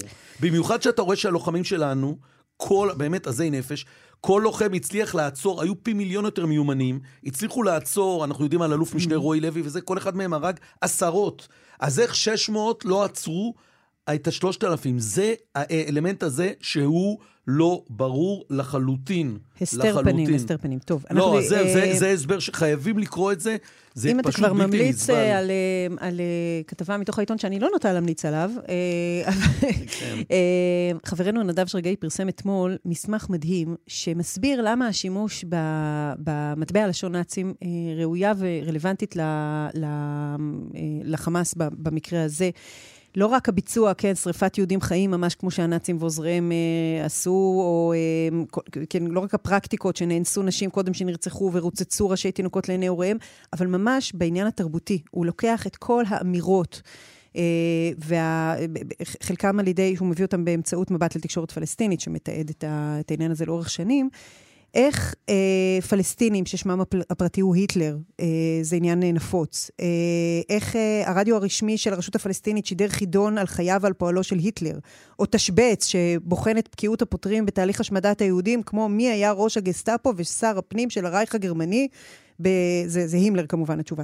אה, ועוד ועוד דוגמאות. אה, כתבה שבאמת אה, אפשר למצוא אותה ברשת תחת הכותרת אמור מעתה הנאצים החדשים של נדב שרגאי.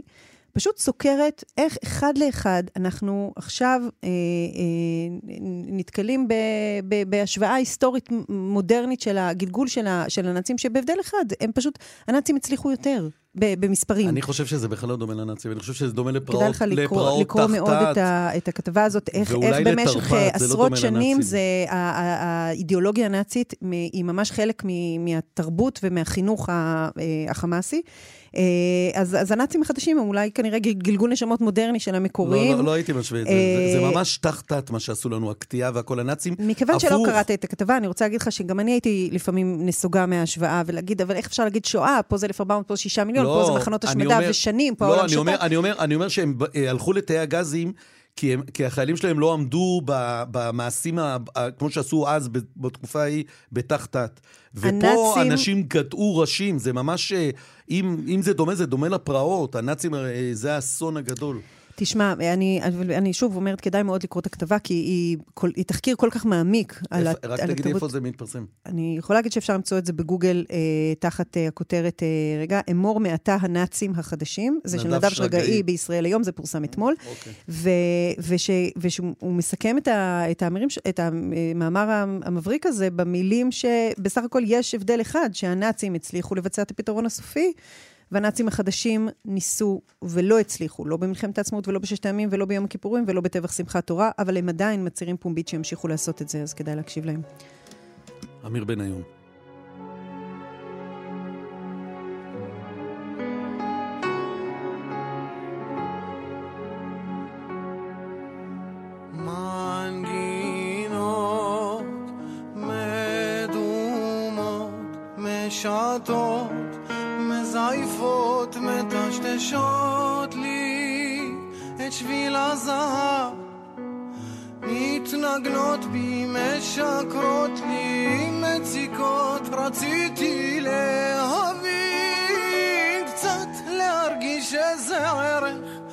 ושמחתי עלייך שאת תגלי לי את הדרך. ונשמתי אוויר מזוהם והלכתי בערך, התהלכתי שולל עד לך.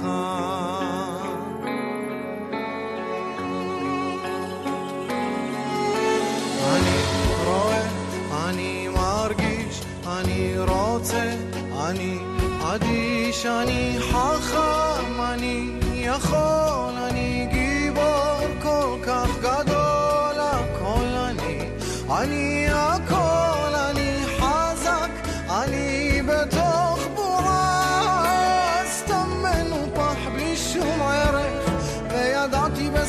של דבר היא תתפוצץ לי בדרך.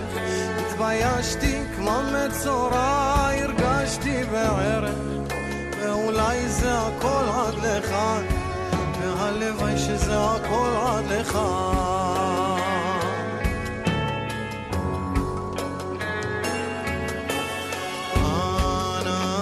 כן,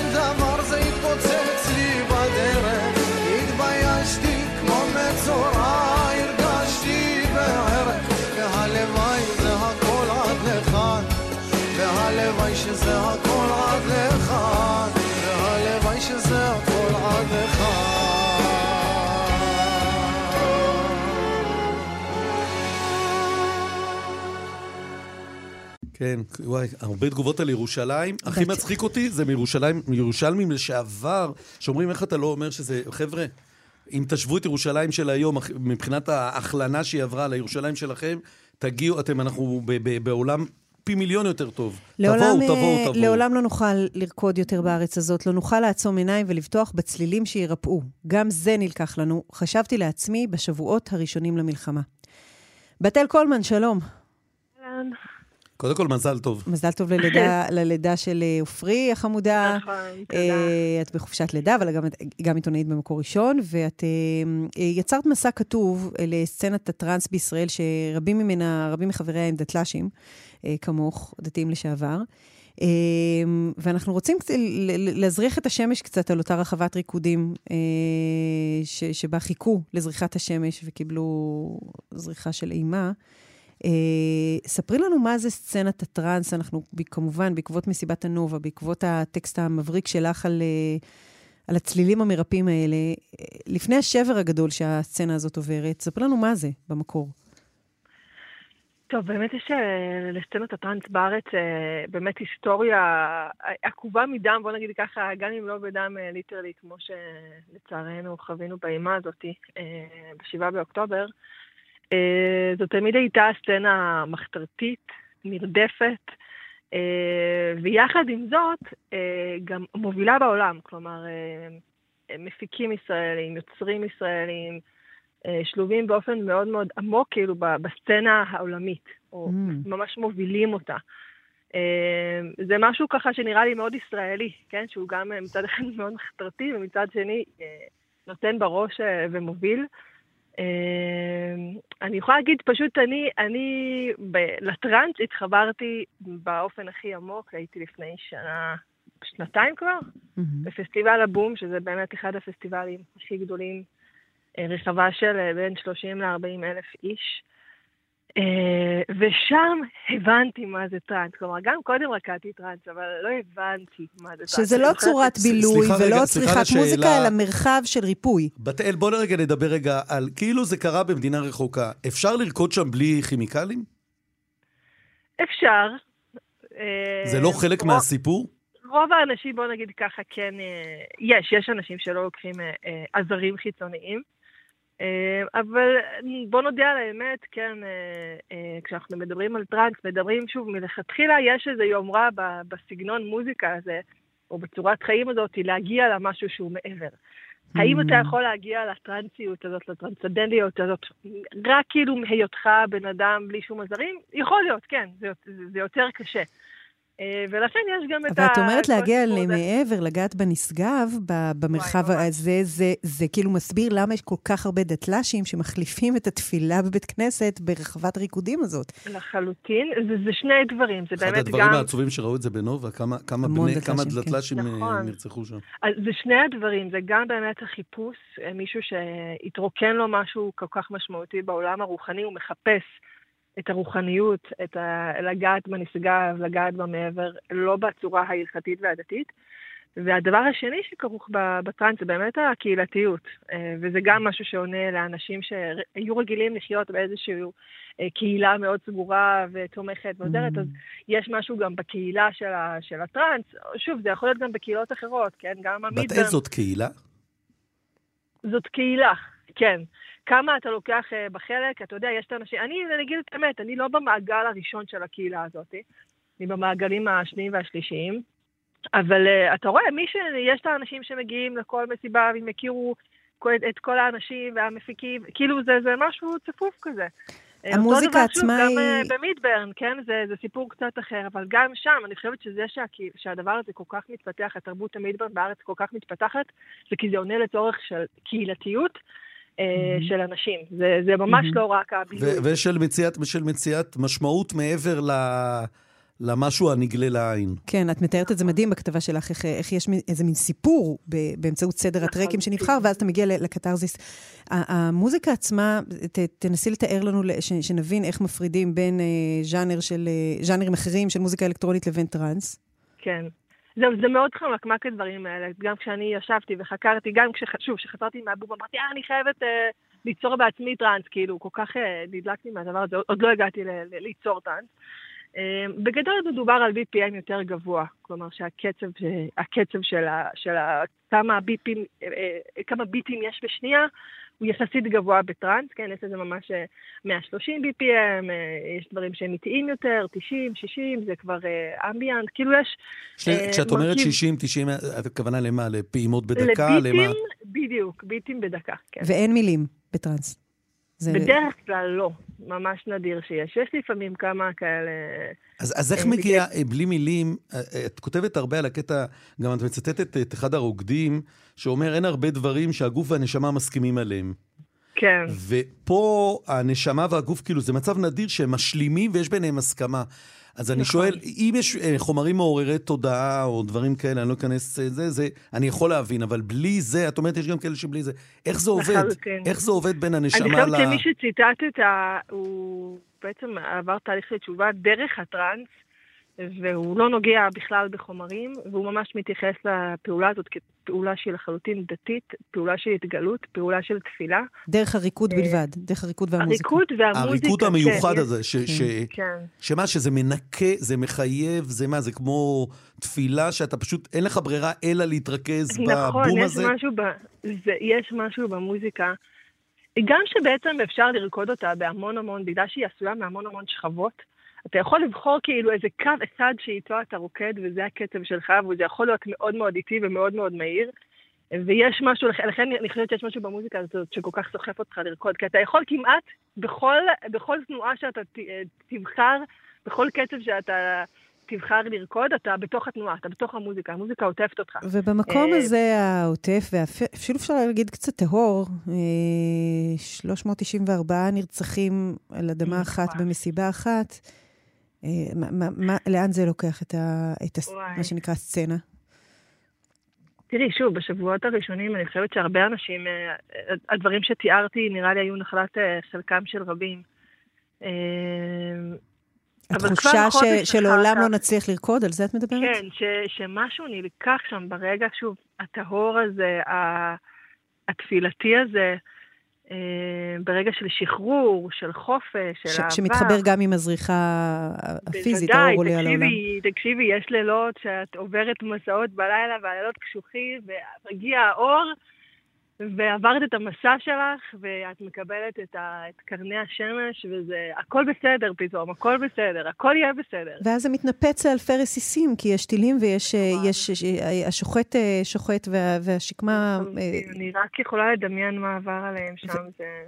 אז אנחנו קצת, קצת חלפנו, הזמן, הזמן קצת חלף והמסיבות חוזרות, הסצנה הזאת, התנועה החברתית הזאת, היא, חוזר, היא חוזרת? חוזר, חוזר. את המסיבות חוזרות. אגב, גם אה, אני זוכרת שיש כל מיני התכתבויות בכל מיני קבוצות וואטסאפ שלי, איך יהיה פורים, מה יהיה פורים, ולי ברור שפורים הולכת, הולך להיות התפוצצות, כאילו. אנשים מחכים לרקוד, אה, אנשים זקוקים לזה, אנשים צריכים את זה. אה, אני לא אגיד לך שלא רקדו קודם, אני ראיתי את, את יודעת, את ההסתייגות בהתחלה, את ההתנצלות, את ה... אנחנו חייבים או לא חייבים, כן או לא, אבל... לא, היה, היה, אחד הדברים, אם אני מבין, שוב, אני הולך לעניין הכימיקלים, כי אני מבין שבגלל זה, זה חייב להיות בטבע, וזה חייב להיות רחוק. מחתרתי, כאילו, ולא יודעים מה המיקום, שולחים את המיקום ממש לפני. בדיוק, שולחים זה, כדי ש... כי זה הסיפור, נכון? הרי אם תרקדו לא- טראנס בפארק הירקון... זה לא להגיד שזה חייב להיות בטבע רק בגלל הכימיקלים, זה חייב להיות בטבע כי הטבע הוא באמת, אה, אה, יש שוב ערכים של אדמה. של אה, חופש, של, אה, של טבעיות, הם חלק מה... אבל, אבל רצים עד לגבול בעניין שלנו, ראינו את זה, כדי, ומתרחקים, וכמו שאמילי אמרה, נכון. מסתרים את זה בזה, לא, אה, יש גם טבע, נכון, יש אדמה בראשון לציון. נכון, כי זה באמת הייתה סצנה מאוד נרדפת, נכון, נכון, נכון, מאוד. הרדיפה נעשתה בעקבות, ה... בעקבות השימוש בחומרים, נכון? לא בגלל המוזיקה. אני חושבת שזה היה התירוץ הרשמי, אבל אני חושבת שזה פשוט לא... כמו שהביטלס הגיעו, וזה לא מצא חן בעיני הממשלה וחשבו שזה מקלקל את הנוער, אז תמיד יש איזה משהו של העשור שחושבים שהוא מקלקל את הנוער ואת האנשים, או משחית את הנפש, וההתאפסות הייתה לכימיקלים, ואני חושבת שזה לא רק הדבר הזה. טוב, אנחנו רק ב... ברדיו ממלכתי, וכמובן נגיד שלפי פקודת הסמים כל אה, אה, משני התודעה הכימיים הם נכון. אסורים, גם לפי חוק וגם מאוד לא בריאים. אה, אני אגיד אבל יותר שוב, שהנרדפות היא לא קשורה בעיניי רק לסמים, היא קשורה באמת למשהו, יש משהו בטראנס שהוא...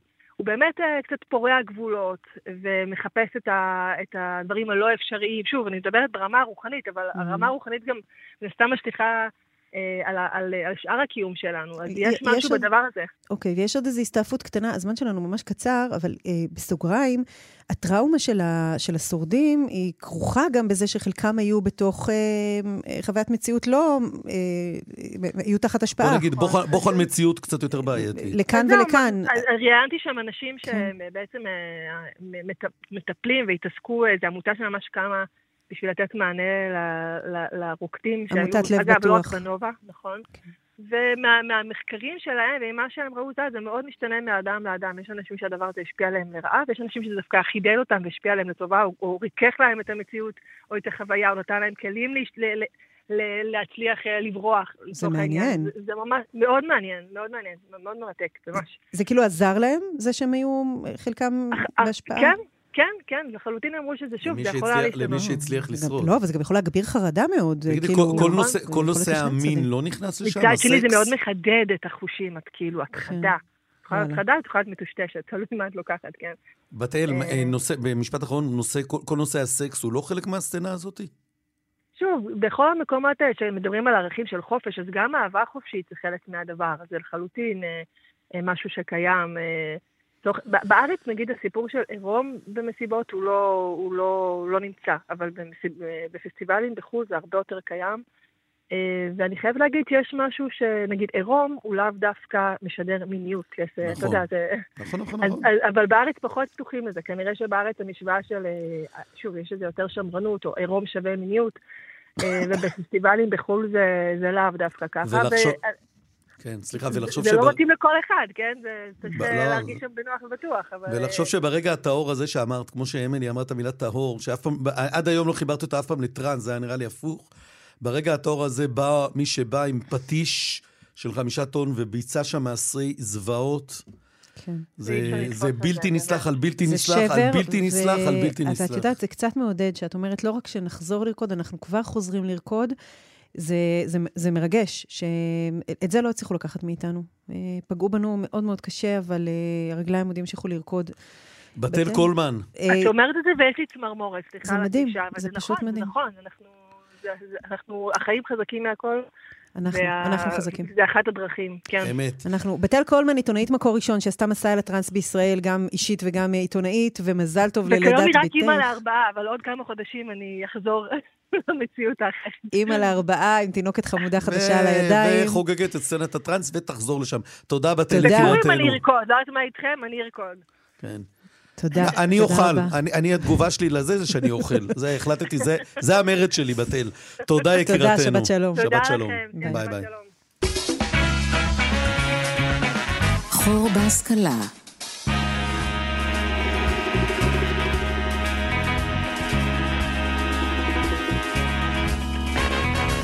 איי, איי, איי, יובל, תבחר אה, ציפור בלתי נסבלת.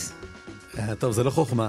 האמת שאני אני כבר גמרתי עם היונים. זהו, הרגו לי את המרפסת... לא, אבל עכשיו יש אה, מחקר שמוכיח סופית שהחוצפה של העורבים מגיעה לרמות מחקריות אפילו. שלום, בוקר טוב לך, פרופסור יוסי יובל. בוקר טוב. לא בפעם יוסי. הראשונה אצלנו, נכון. וגאים מאוד שחזרת אלינו, בית הספר לזואולוגיה ובית הספר סגול למדעי המוח באוניברסיטת תל אביב. שמח לחזור. יוסי, מה? אנחנו איתך על על המחקר המפתיע על הקשר בין עורבים לבני אדם. מה מפתיע? קווי אופי של עורבים, בואו נתחיל מזה. כן, אז, אז, אז כרגיל, שנייה רק ניתן, נזכיר מי עוד עשה את המחקר, שלא נשכח. אז אה, יואל חסין, סטודנט לתואר שני, והמחקר נעשה בשיתוף עם פרופסור אסף אה, שוורץ מהטכניון. Mm-hmm. ומה שאנחנו עושים בעצם, אנחנו... זה uh, כל כך יפה, במדעים מדויקים. זה יפה, זה יפה שהם נותנים את הקרדיט. אריאל בונמן וקונגנסטן. נכון, נכון, אריאן בונמן הוא פשוט בהולנד, אז אני יודע שהוא לא מאזין עכשיו, וקונגנסטן בסין, אתה טועה? אז הנה, הנה, בוא אני אשלים לך חור בהשכלה. אין סיכוי שהוא לא מאזין לנו בכל רחבי העולם, כולל אגב קונגנסן. ואנחנו כן. מחקר נכון. חדש אה, נכון. לגבי, ה... לגבי ההורים, ספר לנו. נכון, אז, אז המחקר הוא לא ממש חדש, הוא נעשה בתקופת הקורונה, כן? אה. כשהתחיל הסגר הראשון, עכשיו פשוט הוא יוצא, אתה יודע, זה הרבה זמן לוקח עד שמאבדים ומפרסמים והכל, אבל איך שמתחיל הסגר הראשון, אנחנו אומרים, יש פה הזדמנות, בני אדם יוצאים מהמרחב הציבורי, בואו נראה מה זה עושה לבעלי החיים. כמו שאתם זוכרים, היו המון דיווחים מכל מקום בעולם, על כך שבעלי חיים פתאום התחילו להשתמש במרחב, נכון. ואנחנו החלטנו לבדוק את זה בצורה קצת יותר אה, מדויקת. אז מה שיואל, הסטודנט כאמור, עושה זה לשים 20 אה, מיקרופונים בכל רחבי מה שנקרא הצפון הישן של תל אביב, כן? בפארקים, ברחובות, באזורים אה, עירוניים יותר, פחות עירוניים, ובאמצעית אה, AI אנחנו מזהים, אנחנו מתמקדים בשלושה מיני ציפורים, דררות, עורבים, לא רק עורבים, ופשושים. בכוונה אנחנו מתמקדים בשלושה האלה, כי הם מאוד מאוד נפוצים בעיר ומשתמשים בעיר, אוקיי? זה ציפורים שרגילות לחיות לצד האדם, חלקן, כמו שאמרתם, קצת יותר חשופות, ממש ממש אוכלות לנו מהידיים, כמו העורבים, וחלקם, כמו הפשושים, חיים בקרבנו. אני גם את הדררות לא אוהב, אבל זה כבר בינינו. הדררות נורא רועשות, וגם כן. אה, מסכים איתך אפילו, הם גם מין פולש, כמו שאנחנו יודעים. אה, הפשושים דווקא, הקטנים יותר, שפחות מוכרים, אבל מאוד מאוד נפוצים בעיר. וכל כל, אה, אה, שיח שאתה עובר, אתה שומע פשוש. שאתה אולי לא מזהה את זה, אבל זה הצפצוף הגבוה הזה. והם חמודים כמו פשושים.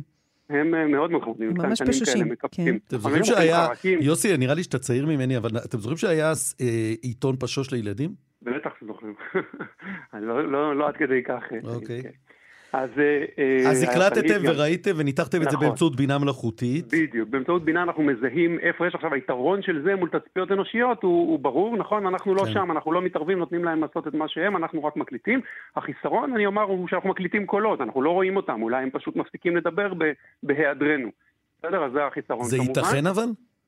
אה, הרי אתם משקללים את זה מבחינת תיקוף, נכון, לא? טוב שאתה שואל. זה, תראה, זו מערכת פתוחה, אנחנו לא שולטים בה, להבדיל מכל מיני מחקרים במעבדה, אבל אתה צודק, לקחנו מינים שבכוונה אנחנו יודעים, וגם קריאות ספציפיות שאנחנו יודעים שהן קריאות, אה, מה שנקרא, בין, בתוך המין עצמו. זאת אומרת, זה לא קריאות שמופנות כלפי האדם בדרך כלל, אלא אחד לשני, כדי בדיוק לטפל אה, בבעיה הזאת.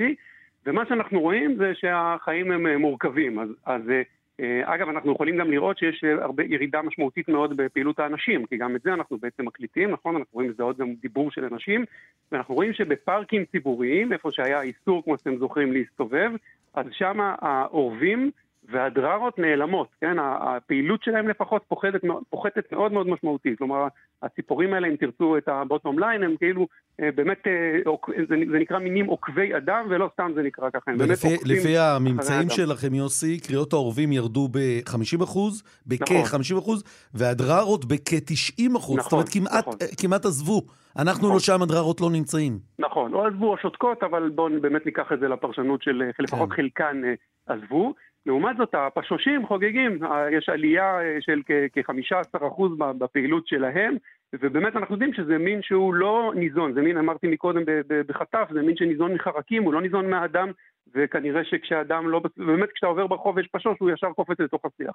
אז כנראה שהיעדר הנוכחות שלנו באמת אה, עוזרת אה, לציפורים האלה. בעצם. אה, עוד מסקנה מאוד, אה, מאוד חשובה בעיניי מהמחקר, יש כמה מסקנות חשובות, עוד מסקנה חשובה זה באמת הגמישות, אז אנחנו יודעים שבעלי חיים שנמצאים בעיר, כן, רוב בעלי החיים מסתלקים, לא נמצאים בעיר, אבל אלה שכן אה, נמצאים בעיר הם מאוד מאוד גמישים בהתנהגות שלהם, פלסטיים, כן, הם לומדים, אז אתם רואים שמהר מאוד, תוך שבוע, הם קולטים שבני אדם עזבו את הפארקים, אין אוכל וצריך לעבור למקום אחר. Mm-hmm. ומסקנה חשובה מאוד נוספת היא שהפארקים, כן, אז, אז אם אנחנו חושבים על עיר כמו תל אביב, שיש בה המון המון פארקים קטנים ותיקים, נכון, מה שנקרא תוכנית גדס האדריכלית, עם המון פארקים קטנים וירוקים, יש בהם, בפארקים האלה המון המון ציפורים, זה לא אה, סתם קלישאה שה, שהדבר הזה זה ריאות ירוקות, זה באמת ריאות ירוקות של העיר, וכשאנחנו מפרקים את הפארקים האלה ועושים כל מיני טמאות ומפרקים את העצים הגדולים ומורידים mm-hmm. אותם, אנחנו מאוד מאוד פוגעים אה, בציפורים. יפה, ציפורים זה דווקא, זה משמח כי זה מקור לחיים, אבל לפעמים העורבים והדררות מגזימים. אה, זה כמו בשיר על אה, משה יואל סלומון, וכמו באמירה היפה של אורי ליצור על זה שבעופרה הגיעו, הגיעו הציפורים אחרי שהגיעו התושבים ונטעו עצים, לא היו לפני כן אני גר בניות בירושלים, יוסי, והדררות הורגות אותי לגמרי. זהו, אני כבר לא יכול יותר. מהגן הבוטני, אני לא יודע מה, אני מצטרף לעמותת... אה, מתאבי הדררות, אבל הנה, מצאנו את הפתרון. אם אני אלך, גם הם ילכו. פרופסור יוסי יובל, יש לך הספקים מדהימים בתחום המחקר על בעלי חיים, ותמיד כיף לדבר איתך. כן, תודה רבה. ואתה גם מנגיש את זה היטב. שבת שלום. תודה, יוסי. הוא ממש כן. משלנו, כבר הפך לא רק משלנו, תראי איך הוא אומר תודה לכולם. אבל רגע, בעניין פחות... אה, אה, מה? לא? פרסומות ואז. טוב. אנחנו כאן ואנחנו עומדים להעביר את ה... סיום, אני רק אה, אגיד משהו אחד כן. שחשוב לי מאוד להגיד. ב-11 הובאו למנוחות שני הרוגי הפיגוע אתמול ב-11 בהר המנוחות בירושלים ובאותה שעה בבית העלמין באריאל. ואריאל, אה, אה, גדי ארתום ילווה את הבן שלו בדרכו האחרונה, ילד בן ה-16 וחצי שנרצח. גדי עצמו הוא יתום מלחמת יום הכיפורים, איבד אבא. אה, במלחמה על הארץ הזאת, בן בן במלחמה בת 120 השנים על הארץ הזאת, וגדי ירתום היקר לא צריך להיות שם לבד, כל מי שנמצא באזור ויכול להיכנס לבית העלמין להיות יחד איתו. נכד של חלל יום כיפור. מובא למנוחות בעוד שעה. ומי שישדרו בשעה הזאת זה קרן אוזן ויגאל אדיקה, ידידנו, שלום לכם באולפן תל אביב. כן, שלום. שלום, אנחנו שלום. מעבירים שלום. אליכם את השידור אה, בקפה מה, שישי. מה, מה בתוכניתכם? מנסים, אתם יודעים, אה, למצוא את הדרך אה, לשגרת היום-יום בצל הידיעות הלא פשוטות האלה, נכון, שעכשיו הזכרתם אותם. נכון. ובכל זאת לנסות קצת אסקפיזם, מילה גסה, לא יודעת. לא, לא יודע, לא. לא, לא. לא? למה, למה גז... משהו חברים, לרוח, אנחנו מנסים. התסמונת הזאת של התעלה בוערת ותל אביב אה, חוגגת, היא דבר טוב, היא לא דבר רע. כל עוד אנחנו, כולנו אני- מכירים בזה. כן, אני, אני, אני השבוע אה, השתתפתי בצילומים לסדרה פטריק, וזה היה ברמלה. והייתי ליד מועדון קליפסו וכריש, והיה לי פלשבק לשנות ה-70. קליפסו, עוד חי? אה, יש באזור, כן, זה אולם חתונות, יש... יש את יגאל, אני לא... מאמין- יגאל, אתה בת. ימי? לא, אני ירושלמי. אה, כי אני הייתי מגיע, אנחנו היינו נוסעים לבלות בקליפסו. כאילו, אתה לא יכול. לדמיין אתה את יובל הולך אלבשן לבלות? בקליפסו? חבר'ה, אם אתם? תראו אותי- אתם תראו אותי, אתם לא תזהו, כי הייתי פשוט שחיף, בטח. לא, מה, היינו. נוסעים לרמלה. היינו לוקחים מונית לרמלה. לא- מונית שירות, באמת. וואו, כן. הרגתם. מ- כן. מהקליפסו לפרופ- רגע, מה, איזה... לפרופסורה. מה היית הולך לראות? מה היית הולך לשמוע? היינו שם, קודם כל גם היינו או ביפו או ברמלה, כי לא נעים להגיד, את- אותנו כחובטים לא הכניסו למועדונים בירקון. לא שלא ניסיתי פעם אחרי פעם. אבל חברים, אז מה עוד יש לכם ככה ב-20 אז שניות? יש לנו גם את זה? נדבר גם עם דורון אלבז, שהוא אה, מותג, לפחות אה, בדרום, מישהו שמקים אה, תחנות התרעננות לי בכל יש רק סבב מותג אחד לחימה. בדרום, קוראים לו קרן אוזן. לא, אבל דורון, דורון יש לו סיפור מדהים, הוא איש סוחף, והבן שלו נפצע בעזה, אז אנחנו נדבר איתו גם על הרוח אה, רגע, שממשיכה. וגם איתי הרמן ויש סקופ.